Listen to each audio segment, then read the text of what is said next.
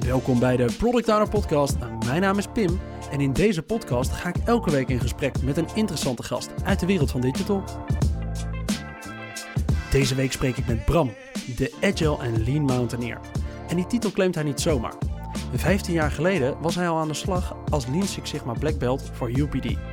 En leerde in de jaren daarna steeds meer over Agile werken. Hieruit volgden rollen als Product Owner, Agile Coach en implementatieconsultant van SAFE. Daarna startte Bram bij Eneco als Agile Coach en groeide later door naar Agile Lead. En pakte hierna diezelfde rollen weer op voor de hypotheekservice Kiel. Je denkt nu vast, ja, Agile Expert, dat geloof ik wel, maar waarom Mountaineer? Nou, naast die blik op de top, het doel en de vele andere prachtige metaforen die je aan een berg kan koppelen, is Bram ook echt een vervent bergbeklimmer. Dit jaar staat de Mont Blanc op de planning. En wat is nou zo typisch als je een berg gaat beklimmen? Je hebt die visie op de, op de top te staan, die deel je met je team, maar het terrein ernaartoe is eigenlijk nooit zoals je voorspeld had. En je moet je constant aanpassen op de omstandigheden. Wees agile. Waar ga je het dan over hebben als we zo'n grote agile-expert in de podcast hebben? Nou, het leek mij tof om de Scrum-rituelen eens uit elkaar te gaan zetten. Welke rituelen heb je ook alweer? Hoe pas je ze toe? Wat gaat er vaak goed? Wat gaat er vaak fout? En wat hebben we er door de jaren heen van geleerd? Hey Bram, super tof dat je vandaag bent aangeschoven in de studio. Ja, leuk. Leuk hier te zijn. Ik vind het echt leuk om je hier te hebben. Hey, dat Agile en Lean Six Sigma. Ah, dat zijn toch twee tegenpolen van elkaar, of zie ik dat verkeerd? Ja, dat zou je op het eerste gezicht wel zeggen, denk ik. Uh, het is ook wel een beetje zo hoor. Uh, ik denk dat Lean en Agile wel heel erg dicht bij elkaar zitten. Ja? Six Sigma, wat statistische analyses is. Alles eerst helemaal uitzoeken voordat je überhaupt iets gaat doen. Uh, ja, dat is wel iets anders. Ja, dat is compleet tegenovergestelde Absoluut, ja. ja. Hoe, hoe belandde je toen met Six Sigma in aanraking? En wat was ook weer Six Sigma voor de luisteraars die er niet zo bekend mee zijn? Nou, ik kwam in aanraking toen ik bij UPD werkte, in C plus Delta. Daar uh, werd ik op een gegeven moment trainer in uh, Lean en Six Sigma. Uh, ging naar heel veel bedrijven om het te vertellen. Mensen mee te nemen in Lean en Six Sigma, want ook die twee is net zoiets. Ja, dat zou je op het eerste gezicht, dat bijt toch ook? Lean is gewoon, hé, hey, we gaan dingen verbeteren. We gaan het direct ook proberen en we gaan het toepassen. Nou, Six Sigma is tegenovergestelde. We gaan het eerst analyseren. Statistisch hebben we echt alle problemen eruit. Ja, doormeten, doormeten, doormeten. doormeten. Dan kan het. Ja, en dat ligt eraan per omgeving. Ja? Uh, ja, in een medicijnfabriek, ja, dan wil je niet dat een medicijn gaat testen en het blijkt dat het niet goed werkt uh, achteraf. Dat, wil je gewoon, dat moet gewoon goed zijn. Een medicijn ontwikkelen in iteraties. Ja, ja, dat is niet een heel... Nee. Sorry, het was een experiment. je, nou, zat, je zat in onze experimentpool, ja, sorry. Precies. Maar goed, met Lean en, en Six Sigma kan je bijvoorbeeld in, uh, in, uh, in de pedagogie kan je heel goed mooie dingen combineren. Ja. Dus snel verbeteren, maar wel met goede analyses. Ja. En zo zag je opeens dat die twee wel matchen. Dus ik sluit nooit dingen uit dat niks bij elkaar past. Het, het matcht. Ja, zo en, matcht het toch, ja. ja. Ja, zo was ook de link met Lean en Agile. Die twee liggen echt heel dicht bij elkaar, vind ik. Ja, dat zijn wel methodes die ik ook in het werkveld nog wel vaak voorbij zie komen, dat ze een beetje gecombineerd worden, inderdaad. Ja, ja. Wat zijn nog de populairste dingen die voor jou zijn blijven hangen uit Lean, die je nog vaak toepast? Um, ja, plan, do, check, act. Ja. Eigenlijk hè, de, de, de cirkel van verbeteringen. Maar ook gewoon de value stream mapping. Dus breng gewoon in kaart hoe mensen werken. En kijk in elke handeling die je doet, heeft dat waarde? En bespreek dat ook met elkaar. Ja, en zijn er ook nog dingen van Six Sigma die je in een beetje het werkveld waar je nu zit nog regelmatig terugpakt? Nou, ik niet meer direct, maar ik merk bij data analytics, dat is natuurlijk, uh, of BI, ja. uh, en dat is business intelligence, dat zijn allemaal dingen die heel erg belangrijk zijn. Maar goed meten, goede data, betrouwbare data, ja, dat is cruciaal. En dat je niet met een, uh, een uitslag van een rapportage gelijk wegrent, dit is het. Maar dat je wel even hebt gecheckt welke data hebben we gebruikt, was het betrouwbaar, is het betrouwbaar? Ja. En dan pas conclusies gaat trekken. Kijk.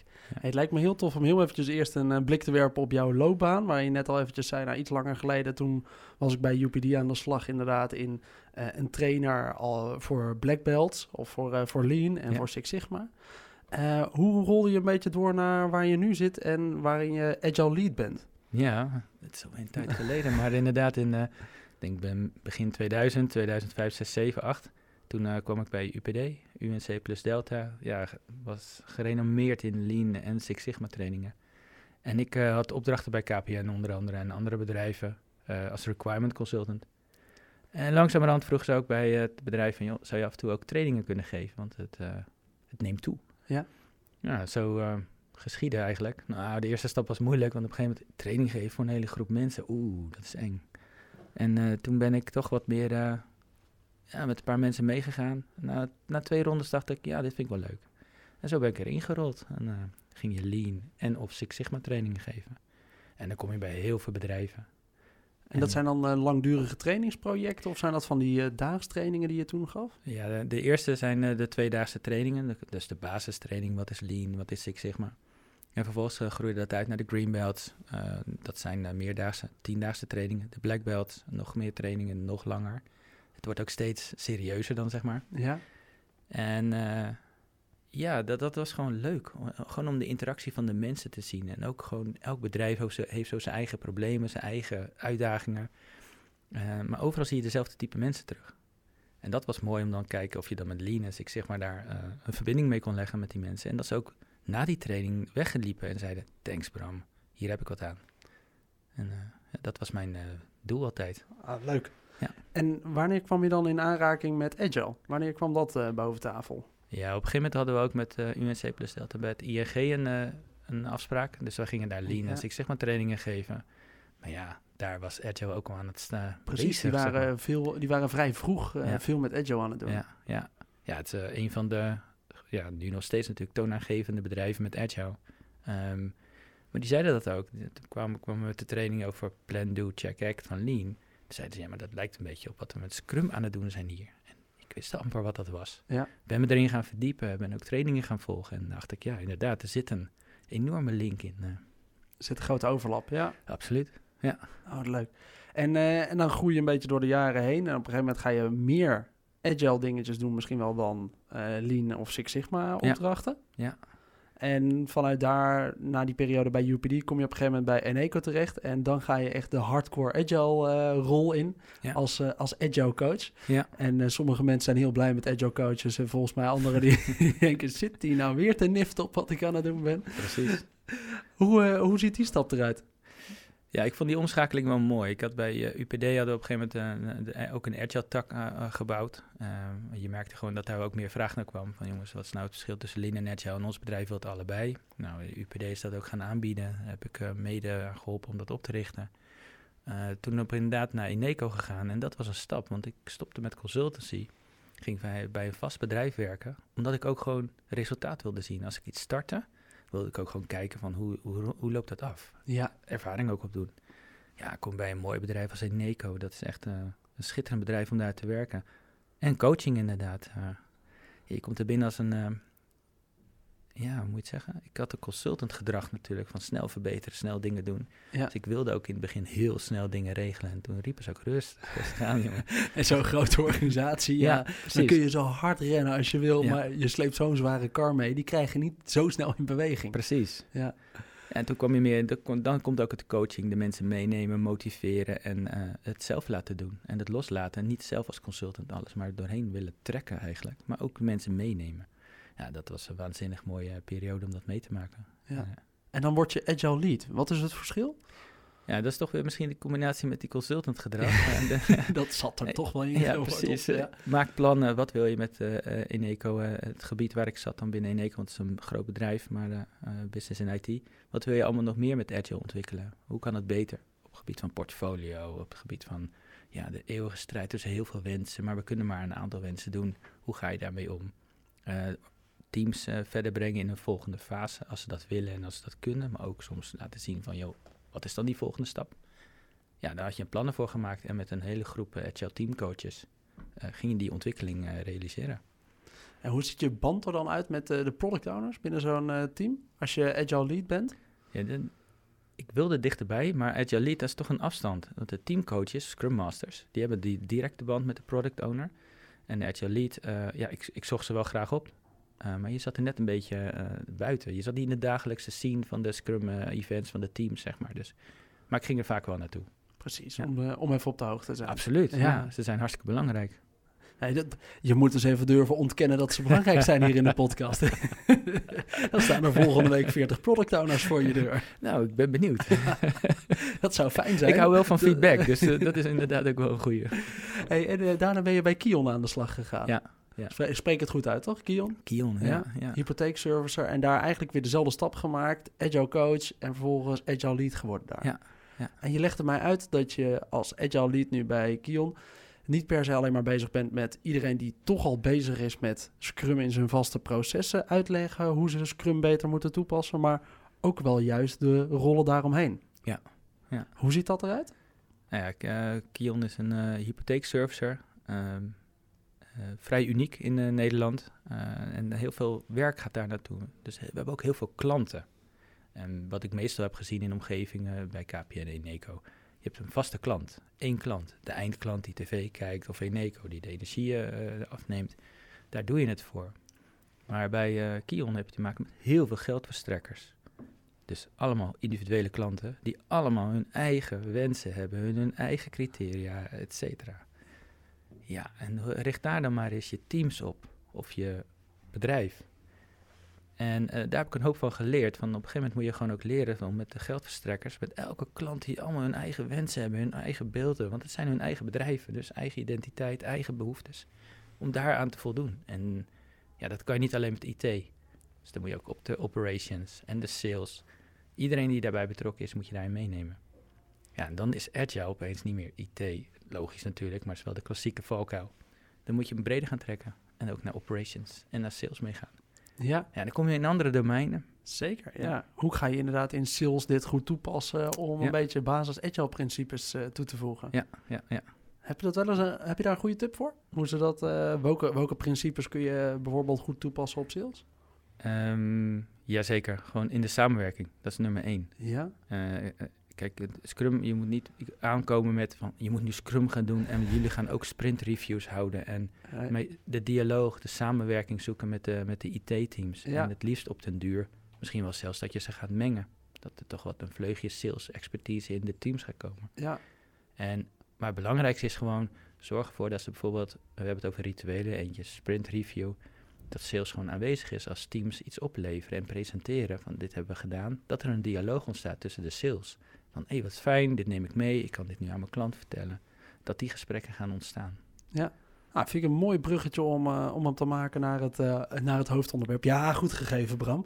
We gaan even, even door naar de, naar de rituelen. En ja, laten we even dus beginnen bij misschien wel de meest algemene van de Scrum-rituelen, de, de sprint. De sprint, ja de sprint. Kun je mij even de basis uitleggen van de sprint? En ik denk dat dit voor sommige luisteraars misschien een beetje voelt als wat basiskennis. Maar ik denk dat het ook voor veel luisteraars wel interessant is om juist een beetje weer een keer die basislijn te horen. En eens eventjes te kijken hoe we het erover hebben. Um, maar we gaan, laten we gewoon eventjes beginnen aan de basis, de sprint. Wat vormt nou een goede sprint? Een sprint, ja, dat is de 0 tot 100 meter, zeg maar, in volle, volle vaart. Um, je start en je hebt een einddoel, zo snel mogelijk de finish halen. Maar, en misschien wil je ook winnen. Het ligt er natuurlijk aan per team hoe je dat instelt. Uh, maar uiteindelijk, je levert waarde op in een hele korte periode. En waarde, mooi woord, maar uh, wat is dat dan? Nou, iets waar een gebruiker of een klant of een geldverstrekker of wie dan ook direct iets mee kan doen. Nou, daar doe je niet jaren over, doe je niet maanden over, dat doe je in een aantal weken. Ja, meestal hebben we sprints van een maand of een sprint van twee weken. Sommigen hebben sprints van een week al inmiddels. Ja. Dus heel kort cyclisch uh, dingen opleveren. Maar dat is de sprint. In een korte tijd iets werkbaars opleveren voor iemand die daar heel erg blij van wordt. De klant wordt dat ook genoemd. Ja, nee, dat is echt wel, de, dat zo zie ik ook wel. De, de kracht van de sprint zit er maar in. En inderdaad elke keer iets van waarde opleveren. Ja.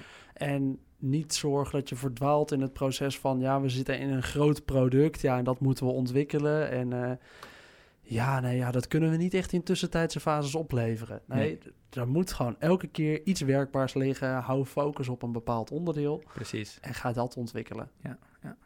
Wat zijn dingen die je vaak fout ziet gaan rond sprints? Is er, uh, zijn er nog dingen die daar uh, over het algemeen fout worden gedaan? Ja, ik denk wel de, de druk. Van, uh, van er zijn heel veel wensen. Mijn wens moet eerst, die is prio 1. En dat we dan op een gegeven moment... Um, kan een team wel eens zwichten door te zeggen... oké, okay, we doen het wel. Maar ze weten niet waar ze ja op zeggen. Ja, hoe mooi je ook uh, afspraken maakt. Definition of ready bijvoorbeeld. Hè. Dat, zijn, lijsten met criteria waar moet het aan voldoen voordat het team zegt... ja, nu kunnen we dat in de sprint meenemen. Gaan we dat ook bouwen, testen, opleveren. Of we gaan een bepaald event creëren, want het hoeft niet IT te zijn natuurlijk. Maar het aannemen en ja zeggen en dan maar zien of je het in die sprint gaat realiseren, ehm, dat, dat zie ik nog wel eens gebeuren. Ja, groot risico. Ja, absoluut. En ik zeg niet dat dan mensen gewoon uh, daar niet over nadenken, maar het is vaak de druk, de hectiek, dat ze dan zeggen, oké, we doen het wel. Ja, het komt meestal vanuit een vrij zware stakeholder. Die gewoon die zegt, ja, nee, dit moet nu. Precies. Toch? Ja, Dat, eh, dat is eigenlijk 90% van de tijd is dat het geval. Dat er iemand vanuit een bepaalde positie roept, nee, dit moet nu. Ja. en dan, komt het van leiden naar geleid worden. En dan, dan ben je hem kwijt. En dan mis je ook de kracht. Want ja, dat is Scrum en ook de sprint, het team of de developers of ja, het kan ook bij HR zijn of ergens anders. Die bepalen uiteindelijk hoe ze het gaan doen. En als ze dan ja zeggen op iets en ze weten nog niet hoe ze het moeten doen, ja, dan, dan ben je out of control. Ja, dan ga je fouten maken. Ja. Nee, Die, uh, die zie ik ook. Nou, dan uh, een sprint. Uh, we hebben besloten een sprint te gaan doen. Dan ga je een sprint beginnen. Waar begint een, een goede sprint bij? Een goede sprint, de sprintplanning. Tada. we hebben hem, hè? ja. kun, je, kun je me wat uitleggen over de sprintplanning? Ja, in de sprintplanning heb je de, de product owner. die heeft natuurlijk stakeholders is die afgegaan van... joh, welke wensen moeten we binnenkort nou gaan realiseren? Heeft ze backlog? zijn lijst met allemaal wensen. En ehm, ja, dan weet je ook wat hij de komende sprint door het team gerealiseerd wil zien worden. Ja. En dan gaat hij in, met het team in gesprek. Precies. En vaak gaat er nog ergens een beetje... Je wil eigenlijk dan al hebben dat je backlog er zo goed voor staat... dat je een sprintplanning eigenlijk in kan gaan met ja. ja werkbare user stories. Precies. Wat gaat er vaak fout bij een sprintplanning? Want dat is wel, dat is wel eentje die veel valkuilen kent volgens mij. Ik denk dat, uh, nou ja, daar kan je weer een mooi linkje leggen bij, naar Lean. En daar zit rework in. Oftewel dingen die worden aan de product owner verteld aan het team. Het team snapt het niet helemaal. De product owner zegt, oké, eh, dat moet ik nog even uitzoeken. Gaat dat weer uitzoeken. Uh, of, ehm, ja, het team staat er niet achter. Die snapt niet waarom ze dit moeten doen. Wat, dus de uitleg van de waarom en waarom ga je daar een klant blij mee maken, is, is ook niet duidelijk. Er staat alleen maar hoe. Maak dit product, maak een blauw flesje. En ze weten niet waarom ze dit moeten doen, dus die hele motivatie ontbreekt. Ja, nou, dat is wel een belangrijk onderdeel inderdaad van je rol als PO tijdens die sessies. Is inderdaad wel iedereen meenemen in het verhaal. Waar gaan we naartoe werken? Precies, Om hem eventjes naar jouw verhaal toe te brengen. Wat is de volgende stip op, uh, op de berg waar we naartoe gaan? Ja, ja. En waarom gaan we daar precies naartoe? Ja, we gaan niet zomaar naar boven shocken. Nee, we gaan naar boven shocken, want daar gaan we dit en dit vinden. Precies. En dat is het volgende moment. Ja. En dat is denk ik ook wel de kracht van een, de product owner. Uh, ik, ik ga nu de Mont Blanc beklimmen. Ja. En ik moet daardoor elke week uh, drie, vier keer hardlopen. Nou, hardlopen, iedereen denkt in mijn omgeving dat ik helemaal gek ervan ben. Helemaal niet. Ik wil gewoon alleen op die top staan. en ik, daarvoor moet ik fit zijn. Ja. Dus ik doe aan hardlopen. Ja. Maar dat motiveert mij. Want ik wil op die berg staan. Dus het motiveert mij om elke dag weer en wind naar buiten te gaan. Ja. En dat geldt denk ik ook voor de product owner. Als hij goed zijn wens kan vertellen, dus ook goed de stakeholder heeft uitgevraagd. En hij kan het aan zijn team overdragen, want dit zo belangrijk is. Met dit doel en de klant wordt hier zo blij van. Ja, dan, dan zal een team eigenlijk nooit denken van, ja, ik zou het anders doen. Nee, die zeggen, oké, kom op, we gaan ervoor. Ja. Dus die motivatie in zo'n sprintplanning, en dat overbrengen, ja, dat is wel heel belangrijk. Hoe zorg je voor een goede balans wat je in een uh, sprint meeneemt? Hoe zorg je dat je niet te veel werk meeneemt in een sprint? Want dat is ook een grote valkuil volgens mij die vaak voorkomt. Ja. Ik weet niet, uh, de product owners, je hebt er heel veel soorten. Ja. De een die probeert zoveel mogelijk natuurlijk dat in een sprint te krijgen. De ander die checkt het heel en die is misschien heel voorzichtig. Maar het is, een, het is, een, dat is echt een mooie samenwerking tussen het team of de developers of uh, het team zelf en de product owner. Hoe ver kan je gaan? En dat gebeurt echt op dat moment. En waarschijnlijk ook al de dagen ervoor. Er is natuurlijk al wat checks geweest. Er zijn wat analyses, refinements geweest. En dan weet de product owner op een gegeven moment wel... oké, als ik dit nog probeer, kijken of dit er nog bij kan. Ja. Ja, en hoe langer het... Uh, het is niet de product owner en de, en de versus het team. Het is ook de product owner en het team. Dus ze weten op een gegeven moment heus wel... oké, weet, weet zeker dat nu de product owner nog wat gaat proberen. Ja, daar komt hij. Ja. Nou, jongens, we gaan dit doen. Of zien we aan de gezichten, dit kan niet, het is nu vol. Dan moet je ook gewoon stoppen. Dus uh, hoe langer een team echt een team is, met elkaar, de product owners, scrum masters en developers, hoe beter ze elkaar ook gaan leren lezen. Ja. Maar dat is wel ook zien en voelen. Dus niet alleen naar de backlog kijken en naar de cijfertjes, maar ook echt elkaar aankijken en voelen. Ja, ja, want, ja er zijn genoeg uh, producten inderdaad waar je je burn-down chart niet, uh, niet ziet teruggaan naar nul, zeg maar. We hebben hem helemaal af deze keer. Ja. Ja en daar dacht ik wel een belangrijke rol voor de Scrum Master in. die is heel belangrijk om daar op, te, op, op dat te, te zien, te analyseren en ook bespreekbaar te maken. Ja, precies. Die moet ook op een gegeven moment een keertje op de rem kunnen trappen. Juist. En kunnen zeggen, hé hey jongens, uh, om nu elke week uh, eh, 40 punten erin te gooien. Ja, dat werkt blijkbaar gewoon niet. Luister, we hebben nu de afgelopen keer al allemaal alleen maar 30 punten gehaald. Dus waarom gaan we nou weer meer beloven dan dat we kunnen doen? Wees realistisch. Misschien even wat minder doen. En uiteindelijk, de Scrum Master is dan degene misschien die het ziet en signaleert. Maar uiteindelijk wil je ook gewoon dat het team dat zelf ziet. Ja, nee, precies. Dit moet je gewoon benoemen. Precies. Hey, je bent, uh, we hebben de sprintplanning gehad. We kunnen aan de, aan de start uh, van, het, uh, van de sprint. Ja. Ah, dan zijn we aan de slag. Welke evenement krijgen we dan vaak? Een dagstart. Kijk, de Daily Scrum. Ja, ja. Een goede dagstart. Wat, wat heeft een goede dagstart in zich? Een goede dagstart is kort, krachtig en sterk. Ja. En er wordt echt alleen over de sprintzaak wat dingen gesproken. Zaken over vakanties, hoe iemand erin zit, dat is wel een goede trouwens. Hoe iemand erin zit voor het werk is wel belangrijk. Even de check. Maar allerlei brandzaken niet. Maar dat is moeilijk. dat is een kunst. Ja. Met voor je het weten heb je zijspraken. Uh, uh, iemand zegt, ja, ik ga vandaag uh, dit doen. En bij de way, vanmiddag ga ik even op vakantie en ik moet nog even wat dingen regelen. En iedereen springt gelijk in, oh, waar ga je naartoe? Wat ga je dan doen op vakantie? En woep, voor je het weet zijn die 15 minuten voorbij. Ja, ja precies. Ja, dat is echt een, uh, een kunstje om, als je dat met je team voelt, dat je dat vaak ziet. Hé hey jongens, jullie kunnen allemaal een kwartier eerder die call inkomen. Ja. Alle tijd om dit soort dingen precies. te bespreken. Ja. Maar als de call eenmaal begonnen is om uh, eh, 9 uur, onze daily, uh, daily scrum, dan gaan we het ook echt alleen maar hebben over deze sprint. Precies, ja. En dan ook, uh, dan inderdaad, dat zie ik ook bij een aantal collega's die gebruiken. Die doen er iets voor, een koffiemomentje. Want absoluut belangrijk natuurlijk voor een goed team. Je wil elkaar gewoon even weten, hoe is het met je? Even koffie drinken, even dingen uitspreken met elkaar of bespreken. Geweldig, moet je ook doen. Maar in die dagstart hebben we het echt eventjes over de sprint. Ja, precies. Welke onderwerpen... Of daily scrum inderdaad. Ja, de, ja, de dagstart, maar is hier in het Nederlands natuurlijk. Hey, wat gaat er... Uh, ja, de, de fout die je dus vaak maakt is veel te veel andere onderwerpen uh, erin halen. Hoofdzaak, bijzaak. Met hoeveel mensen kun je in een daily scrum zitten? Wil die nog uh, goed gaan? Ja, ze hebben de limiet van de teams, hè? Dus uh, negen mensen. Ja. ja. Dat geloof en dat varieert nog wel eens een beetje. Maar um, ik zeg ook dagstart, omdat je bij Lean heb je ook gewoon de dagstart. Er staan mensen ook bij elkaar. Of je nou bij de autogarage staat, daar staan de monteurs ook bij elkaar. S ochtends het bord door te nemen. Wat gaan we vandaag doen? Um, en dat geldt bij de fabrieken, dat geldt ook bij afdelingen, dat kan bij operations, bij sales, bij HR zijn. Ja. De dagstart is gewoon cruciaal om door te nemen wat gaan we doen. Ja, ja, en te voor mij is de meeste waarde misschien nog wel van een dagstart begrijpen wat je collega's op dat moment aan het doen exact. zijn. Ja. Om te zorgen dat als jij ervan uitgaat dat uh, Frans uh, deze week echt bezig is met het afhandelen van die ene bug. En elke keer op de dagstart merk je dat hij die bugs echt niet op zijn planning heeft staan. Oké, dan was dat even een goed moment om erachter te komen dat dat blijkbaar even misgaat. Precies. En om dat te signaleren. En ik, ja, dat is dan ook wat je vaak ook niet bij een dagstart ziet gaan, dan zie je dat iedereen zijn dingetjes opriedelt, maar ze luisteren niet naar elkaar. Ja. Dus ze checken ook niet elkaar. En dat is uh, juist het mooie van, ook al is het misschien niet jouw werk die je vandaag doet, maar je collega, vraag even door, toon interesse. Um, oh, wat leuk dat je dit aan het doen bent, maar uh, inderdaad, ik zie al dat je daar drie dagen mee bezig bent. Lukt het je wel? Uh, wat is er aan de hand? Ja.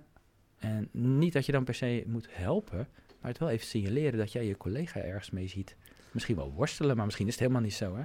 Nee, nee, ik denk dat dat voor veel mensen altijd uh, moeilijk zal zijn om uh, inderdaad eerlijk hun buikpijn ook eventjes op tafel te leggen daar. Ja, ja zeg maar bij je collega's, uh, dat je ergens gewoon in vastloopt. Ja, ik ben er echt een groot voorstander van. Ik, ik deel mijn buikpijn altijd met iedereen, want ja, dan geloof ik ook pas echt dat mensen je kunnen helpen af en toe. Maar dat is niet voor veel mensen Natuurlijk. Nee, nee, dat is gewoon, ja, voor jou en voor mij, we delen misschien heel veel. Ja. Sommige mensen denken, ja, dat ga ik niet vertellen, is ook helemaal niet nodig. Straks, straks denken ze nog dat ik het niet kan. Precies. Ja, ja, die onzekerheid. Dus uh, je hebt ook, nou, een tipje denk ik ook iets moois aan. Er moet ook iets van veiligheid zijn. Veiligheid uh, in het team. Welk team dan ook, hè. Je moet gewoon dingen kunnen uitspreken.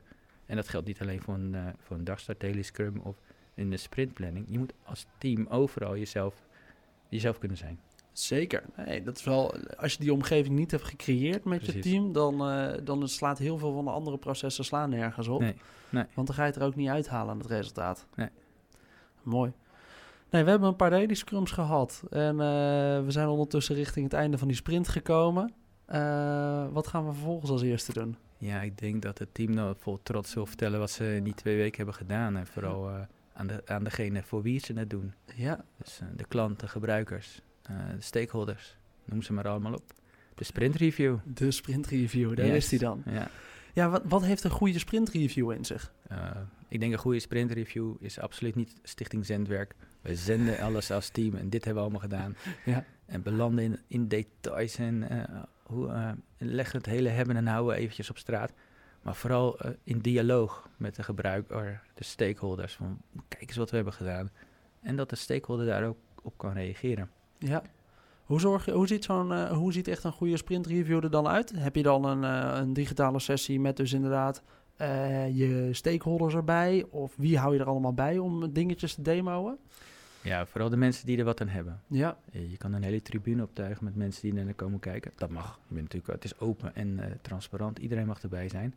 Maar vooral met de mensen die er iets mee kunnen. Heb je iets in de systemen gebouwd, dus IT, zet dan ook de medewerkers, de gebruikers of de klant achter de knoppen. Laat ze ook zelf ermee werken. Ehm, maak je iets eh, eh, voor een afdeling, voor, voor een HR of misschien ook wel voor de, weet ik veel wat, voor een andere afdeling. Toon het ook en laat de mensen er ook gelijk mee spelen. ja behoud, het niet, behoud het niet tot je eigen team waarmee Nee. je het al hebt gebouwd. Die Precies. waren al bekend wat Ja. je ging bouwen. Het is bijna letterlijk een overdrachtsmoment. Ja. Eh, en ook weer soms dat je dingen terugkrijgt van, joh, kan dit ook? Of ik heb nu op deze knop gedrukt en ik krijg nu een hele rare melding. Wat is dat? Oh, dat is een goeie, die hebben we nog niet eruit gehaald. Nou, dan kan je dat opschrijven. Dus die product owner zit op dat moment ook, als het goed is, te observeren. Ja, Wat vindt de gebruiker ervan? Wat vindt de klant ervan? Hoe reageert mijn team hierop? Hmm, misschien moet ik de volgende keer even een, eh, deze wens meenemen op de backlog. Dus ja, ah, goeie. Ja. En, eh, en zo'n sprint review, wat is de meest gemaakte fout daarbij? Eh, dat je alles vertelt. Wat je in de sprint hebt gedaan. Alles Ja. tot in detail. En ja, dat, dat ligt er ook weer aan. Misschien vindt de klant dat heel Soms interessant. is het heel interessant. hè? Ja, Exact. Ja. Ja. Soms heb je zo'n stakeholder die alles wil weten. Ja. En eh, Nou, dan kan die ook alles krijgen. Want je bent zo transparant als de klant wil. ja. Eh, maar je moet gewoon goed uitkijken dat niet op een gegeven moment de mensen denken... oh, ik haak hier af. En, en het team staat vol enthousiasme alles te vertellen. En dat komt niet aan bij de klant of bij de gebruikers. Ja, precies. Nou ja, vaak is dat met de wat zwaardere IT-issues. Als je die tegen de wat algemenere stakeholders gaat aanhouden. Dat Ja. je binnen je Azure-omgeving wat dingen hebt aangepast. En dat dat echt heel belangrijk is. Ja, dan, Ja. dan zie je wat kopjes wegtrekken. Van, ja, nee, ja.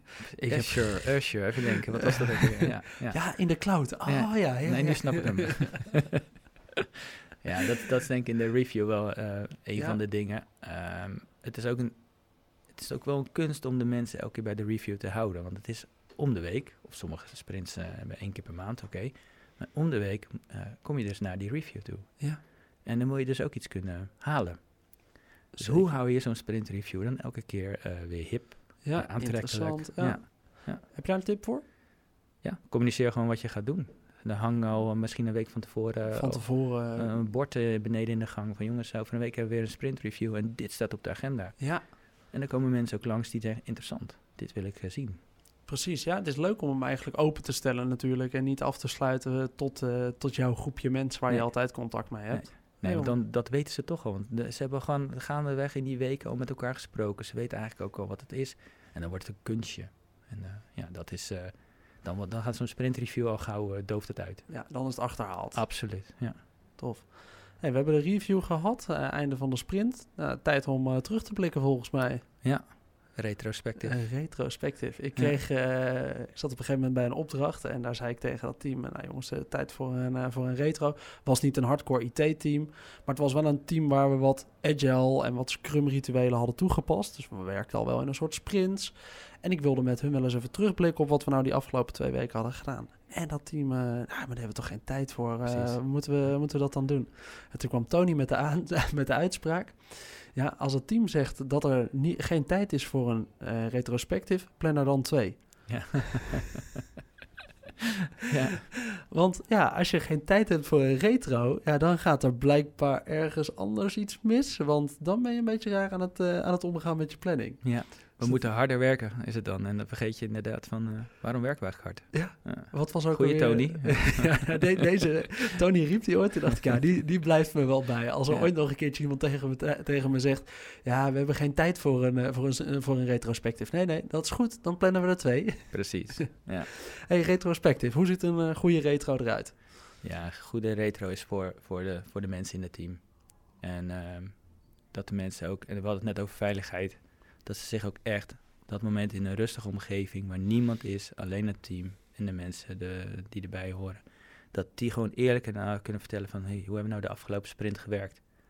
En uh, niet alleen procesmatig uh, wat beter kan, of de, de systemen waren goed, niet goed, of de airco deed niet lekker, of mijn stoel zat niet lekker, maar ook gewoon even op de mens. Wat vond je nou van de onderlinge samenwerking? Hoe kan dat beter? Ja, en dan moet je even een rustig momentje kunnen hebben. Dat is moeilijk, ja. Ja, ja, en niet meer hard werken. Dan moet je echt je hoofd omschakelen. Even naar je hart en denken: wat vond ik er eigenlijk van? Waarom ging het niet lekker met die, met die ene collega? Kan dat niet beter? En dat ook netjes benoemen. Ja.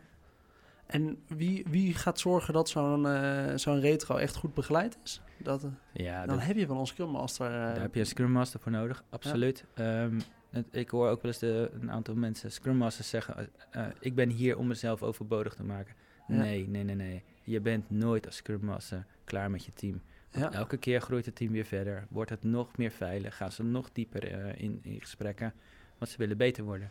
Ja, een groot deel van de uh, PO's, en ik denk ook wel van de PO's die, uh, die luisteren naar deze podcast, die werken zonder een Scrum Master. Met name midden-klein bedrijf, zeg maar. Ja.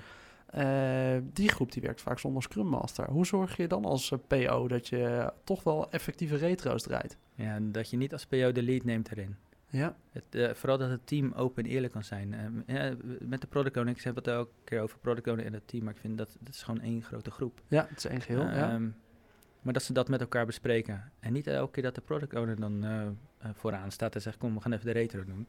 Want dan is het eigenlijk een soort, nou, leg maar eens uit aan mij waarom het niet goed ging vandaag. en dan zet je jezelf in een andere positie. hey, jongens, jullie hebben het niet gehaald deze periode. Wat hebben jullie verkeerd gedaan? Precies. Ja, dat mag het nooit zijn. Kom eens bij oma product owner. En dat, dat is natuurlijk niet goed. Er moet ja, het liefst weer gewoon een Scrum Master erbij. Dat is niet voor niks, zit hij in het, uh, in het, uh, in het framework. En, en daar hoort hij ook gewoon bij. Dus dat zag ik ook wel eens uh, bij ons bij de, bij de bedrijven waar ik heb gezeten. De Scrum Master was er niet. Ja, die moet je wel erbij halen, punt. Klaar, hij is er. Ja. Hij, heeft, hij of zij heeft een enorm belangrijke taak om dat op, in beweging te brengen. Misschien op een gegeven moment, als een team echt goed ontwikkeld is, kan het team het helemaal zelf. Ja, als die echt volwassen, ja. die volwassenheid hoog is. Maar wat is volwassen? En ik vergelijk het met, uh, ik heb jonge kinderen en als mijn zo'n kind dan zindelijk is, ben ik dan klaar als vader? Nee, dan begint het. Dan komt hij in de puberteit. Dan zegt mijn zoon op een gegeven moment zelf al, geef mij maar zakgeld, ik regel het. Nou jongen, hier heb je het, maar ik weet dat het niet altijd helemaal goed waarschijnlijk gaat.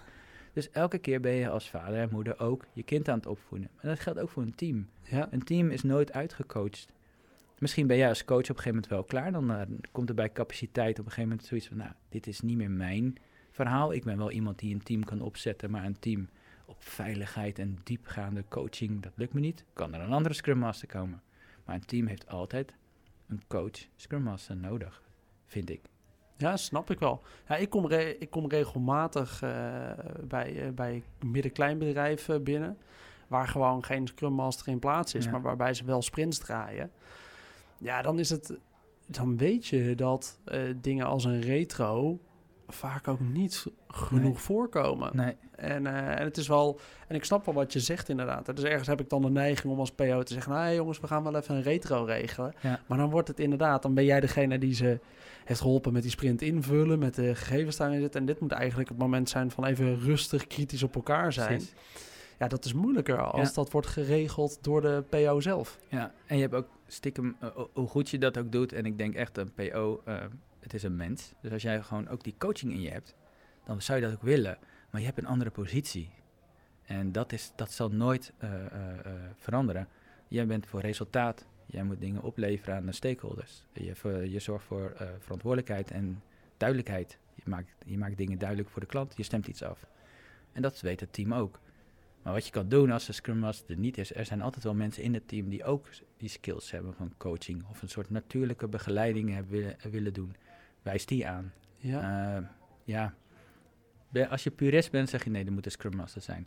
Maar als je dat niet hebt, dan moet je kijken of in het team een aantal mensen zijn die dit willen. En misschien laat je het ook roleren gewoon. Precies, ja. Voor, voor de puristen onder ons, ja, we zijn allemaal juist agile natuurlijk. En uh, ja, je bent wendbaar naar de capaciteit van Ja. je team en de kracht die daar zit. Ja. Dus ja, als je geen Scrum Master hebt, oké. Nou, dan maar eventjes de wendbaarheid opzoeken en kijken hoe je het anders kan invullen. Ja, en dan heb je niet de Scrum Master in titel, Ja. maar je hebt wel een persoon die de Scrum Master is. Ja, Dus eh, het kan. Mensen ook kan, eh, daarop kan aanwijzen en ook kan coachen en et cetera. gaaf. Ja. Nou, leuke. Ik vind, vind het een mooie uiteenzetting. We hebben eigenlijk eventjes een hele sprint doorlopen. Daaromheen heb je natuurlijk nog wel wat onderdelen als de refinement. En Absoluut. Je hebt ook wat save gedaan daarna. Bij save heb je natuurlijk nog, eh, nog een hele hoop andere sessies eromheen. Ja. Maar wie weet dat als we toch nog veel vragen krijgen rondom save, dat ik je nog even een keertje terughaal om, eh, om daarop in te gaan. Ja, safe en eh, dat, is- dat is natuurlijk één, maar je hebt nog veel meer andere vormen. En Ja. die vind ik eigenlijk ook nog eigenlijk wel een stukje beter. Dus daar kunnen we het ook wel eens over hebben. Kijk, wat, wat is er nog meer beter eh, wat ik eh, nu niet direct... Nou, eh, Ik denk vanuit, je hebt les, je hebt allerlei methodes. Safe is een behoorlijk heel mooi uitgewerkt framework. Mm, Ga eens naar die website, daar kan je echt dagen zoeken. En er staat ja. heel veel waardevolle informatie. En ook de aanpak is echt supergoed. Maar Spotify heeft zo zijn eigen manieren gebruikt. Je hebt Ja. les, nou noem ze maar allemaal op. Ja.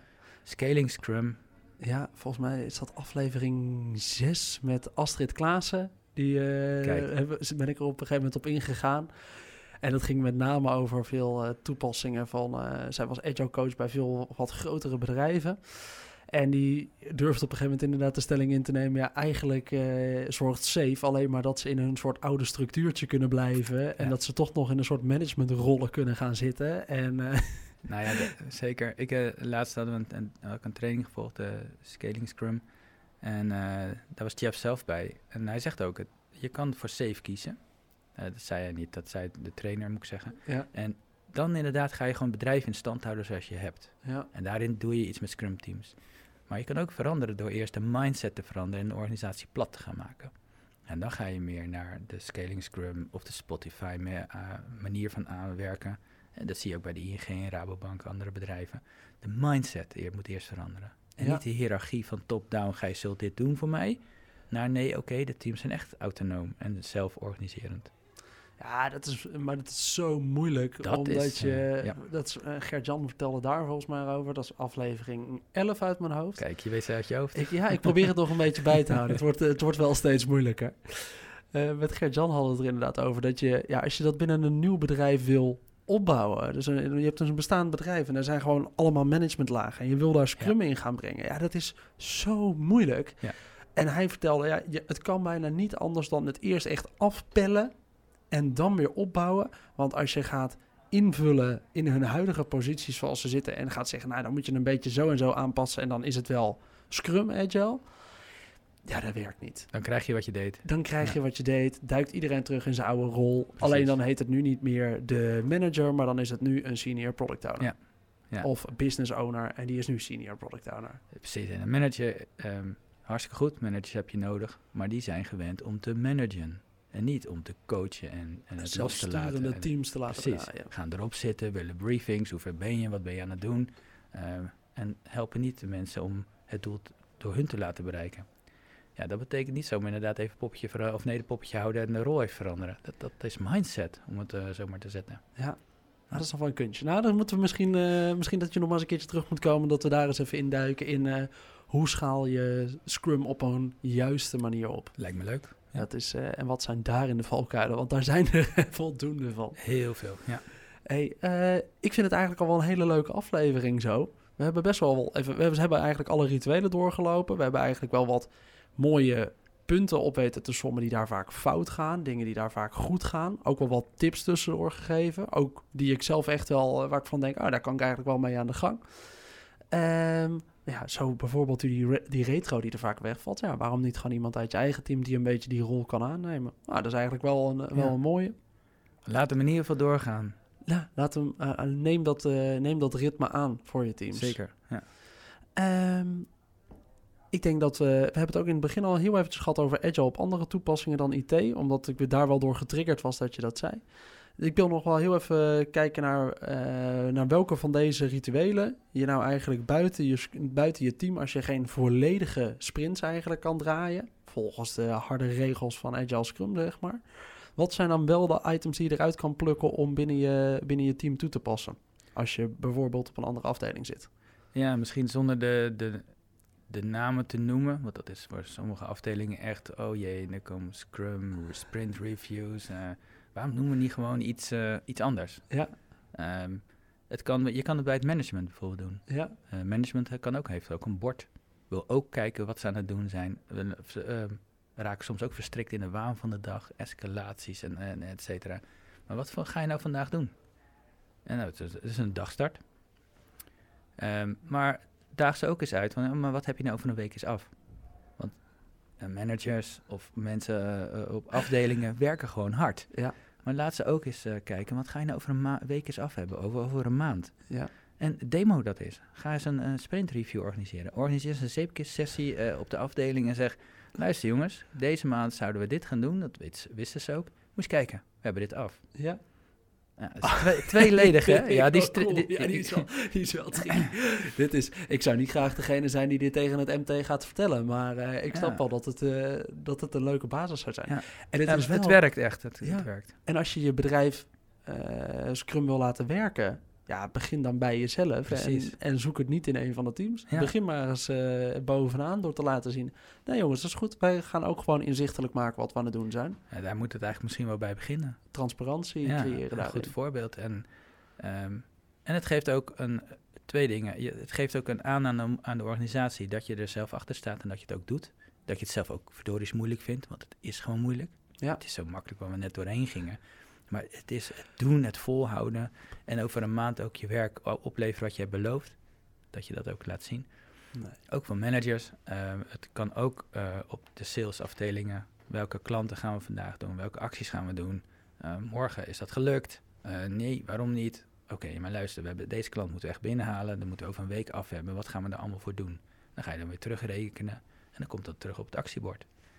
Dus dat soort zaken. Sprint reviews hoef je dan misschien niet altijd te noemen, maar wel wat willen we over een tijdje afgerond hebben. Ja, en dat... daarin die transparantie bieden. Precies. Leuk. Dat ja. kun je bij scholen, ziekenhuizen, kun je hem overal, overal. toepassen. Ja, ja. Nice. Leuk. Hey Bram, dankjewel dat je hier vandaag was. Ik vond het een hele leuke aflevering. Ik wil nog even afsluiten met onze een beetje vaste vraag ondertussen. Ja, wat is de grootste les die jij 18-jarige Bram zou meegeven... na een beetje de ervaring die je de afgelopen jaren in het werkveld hebt opgedaan? Uh, laat alles los en ga experimenteren. Laat alles los en ga experimenteren. Wanneer kwam je daarachter?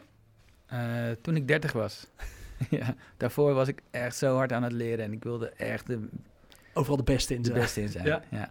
En doordat je het loslaat, word je steeds beter. Ik vind het een mooie stelling. Hey Bram, dankjewel dat je hier uh, vandaag was in de podcast. Als Dank mensen je. nog een vraag hebben naar aanleiding van wat we hier hebben besproken, kunnen ze dan een berichtje sturen via LinkedIn? Absoluut. Oké, okay, dat is Bram van Rijssel op LinkedIn. Uh, dan bedank ik iedereen weer voor het luisteren vandaag. Super tof dat je weer hebt geluisterd. Ben je benieuwd naar de andere afleveringen? Dan vind je die op productowner.nl slash podcast. Of natuurlijk op je favoriete podcastplatform. Ik wil nog even een bedankje uitspreken naar de Hub Studio van de Breda University, die we vandaag weer hebben kunnen gaan gebruiken voor de opnames. Heb je nou vragen aan mij naar aanleiding van deze podcast? Of nog leuke ideeën voor de afleveringen die we de komende tijd gaan maken? Stuur dan een mailtje op pim.productowner.nl of zoek me eventjes op op LinkedIn Pim Pot. Dan hoop ik dat je de volgende keer weer luistert. Tot dan!